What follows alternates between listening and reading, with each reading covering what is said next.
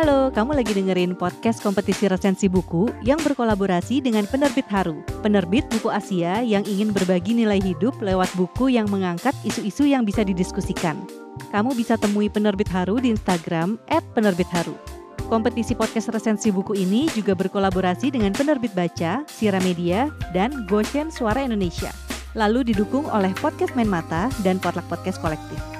Di episode ini, kamu akan dengerin resensi dari teman-teman yang berpartisipasi di kompetisi. Selamat mendengarkan! Halo semuanya, perkenalkan, nama aku Atska Fatia Morika, dan pada hari ini aku akan meresensikan sebuah novel karya Sir Arthur Conan Doyle berjudul The Hound of the Baskervilles. The Hound of the Baskervilles, atau yang bila diterjemahkan ke dalam bahasa Indonesia, berarti anjing iblis dari Baskervilles. Novel ini merupakan seri ketiga dari empat novel seri Sherlock Holmes yang ditulis oleh Sir Arthur Conan Doyle dan pertama kali terbit pada tahun 1901.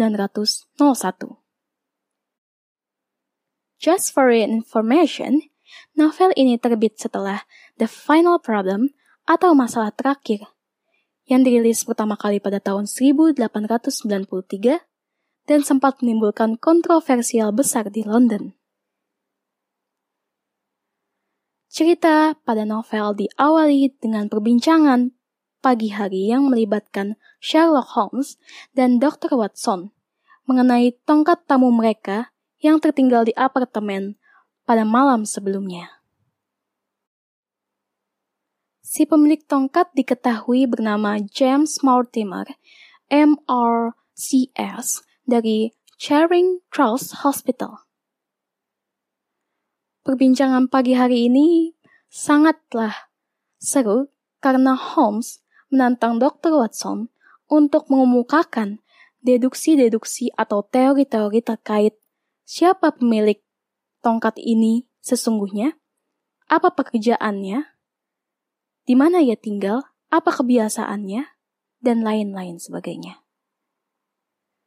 Kegiatan tersebut mereka lakukan untuk mengisi waktu sebelum akhirnya si pemilik tongkat datang, yaitu Mortimer, atau sepanjang cerita sering dipanggil sebagai Dr. Mortimer.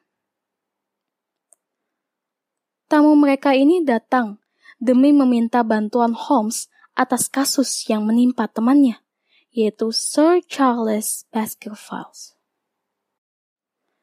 Sir Charles Baskerville sendiri telah tiada beberapa bulan sebelum Dr. Mortimer datang kepada Sherlock Holmes.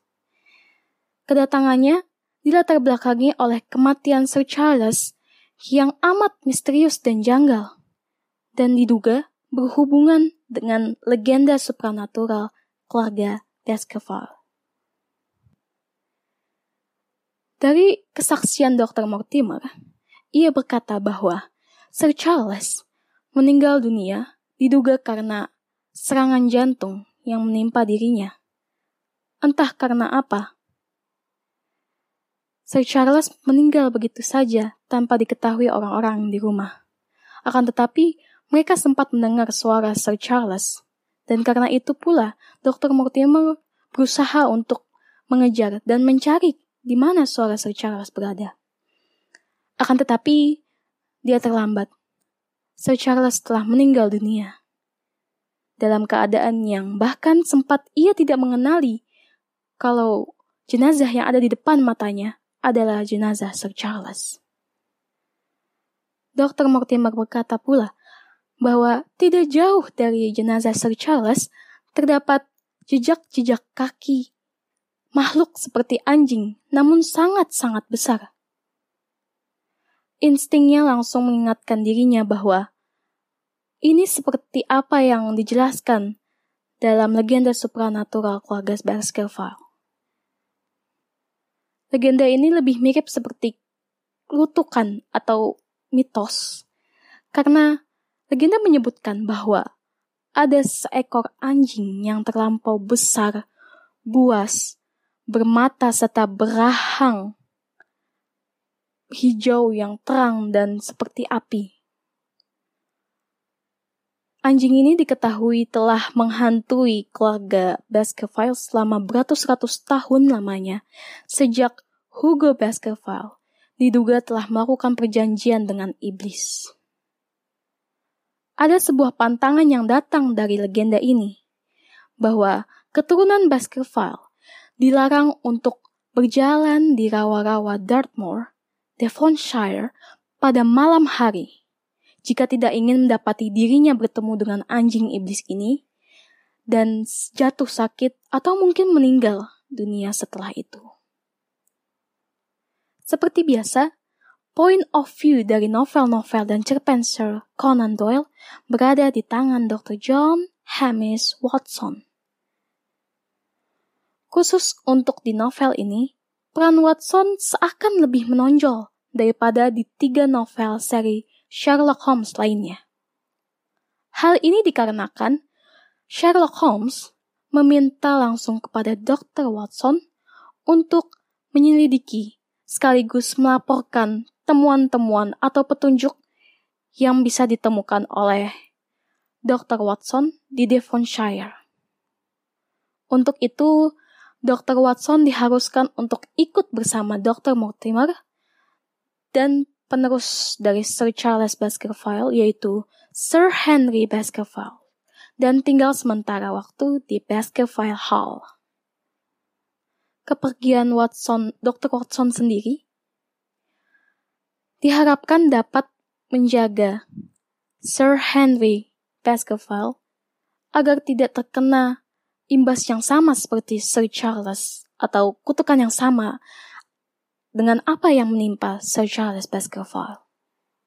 Walaupun Holmes, Dr. Watson, dan Dr. Mortimer menolak untuk mempercayai legenda ini, tapi mereka akan menggunakan hal ini untuk bisa menjebak siapa sebenarnya pelaku utama dari kasus yang sangat misterius ini.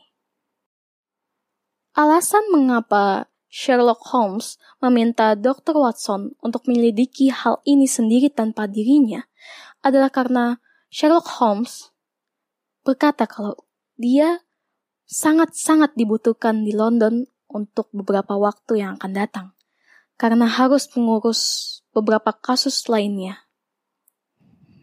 Dr. Watson pun dengan senang hati menerima apa yang sudah diminta oleh temannya ini karena ia merasa Sherlock Holmes sangat percaya pada dirinya sehingga memberikan tugas penyelidikan ini kepada dirinya. Dan bersama dengan Dr. Mortimer serta Sir Henry Baskerville, ia datang ke Devonshire dan tinggal sementara di sana. Sambil melakukan penyelidikan-penyelidikan kecil demi, demi menemukan petunjuk dari kasus ini. Menurut saya, novel ini cenderung lebih menegangkan daripada tiga seri lainnya. Walaupun agak menjengkelkan karena ada sebagian informasi yang diulang terus-menerus.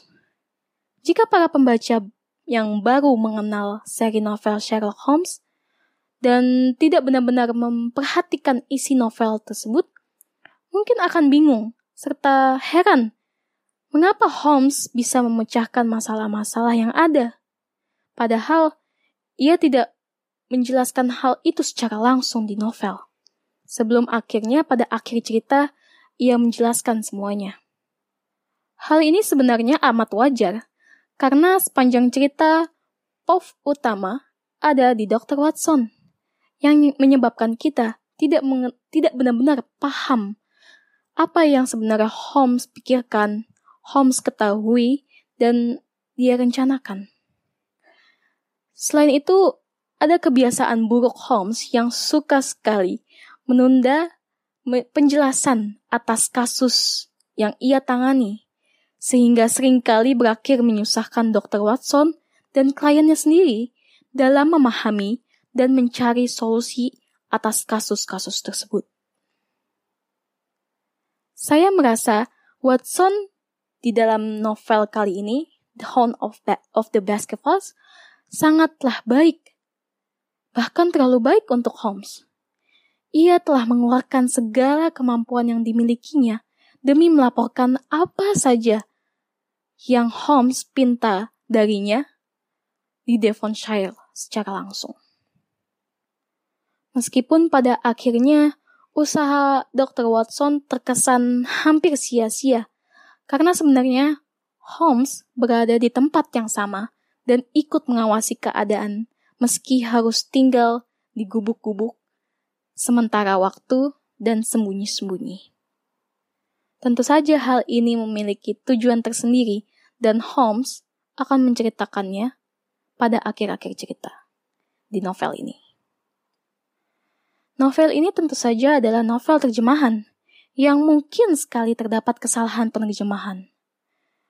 Sekalipun dapat dimaklumi karena tidak terlalu mengganggu, mungkin bagi pembaca yang lain yang lebih memahami dan sudah membaca versi Inggrisnya akan merasa versi yang Indonesia ini ada banyak kesalahan-kesalahannya.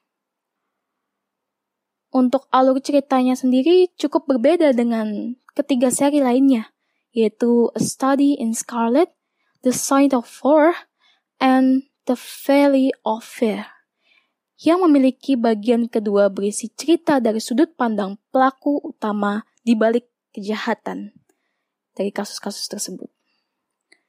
Sebaliknya, The Hound of the Basker Files tidak memiliki hal itu. Cerita di dalam novel ditutup dengan rangkaian kasus yang dikemukakan atau disampaikan oleh Sherlock Holmes. Di situlah menurut saya letak kelemahannya.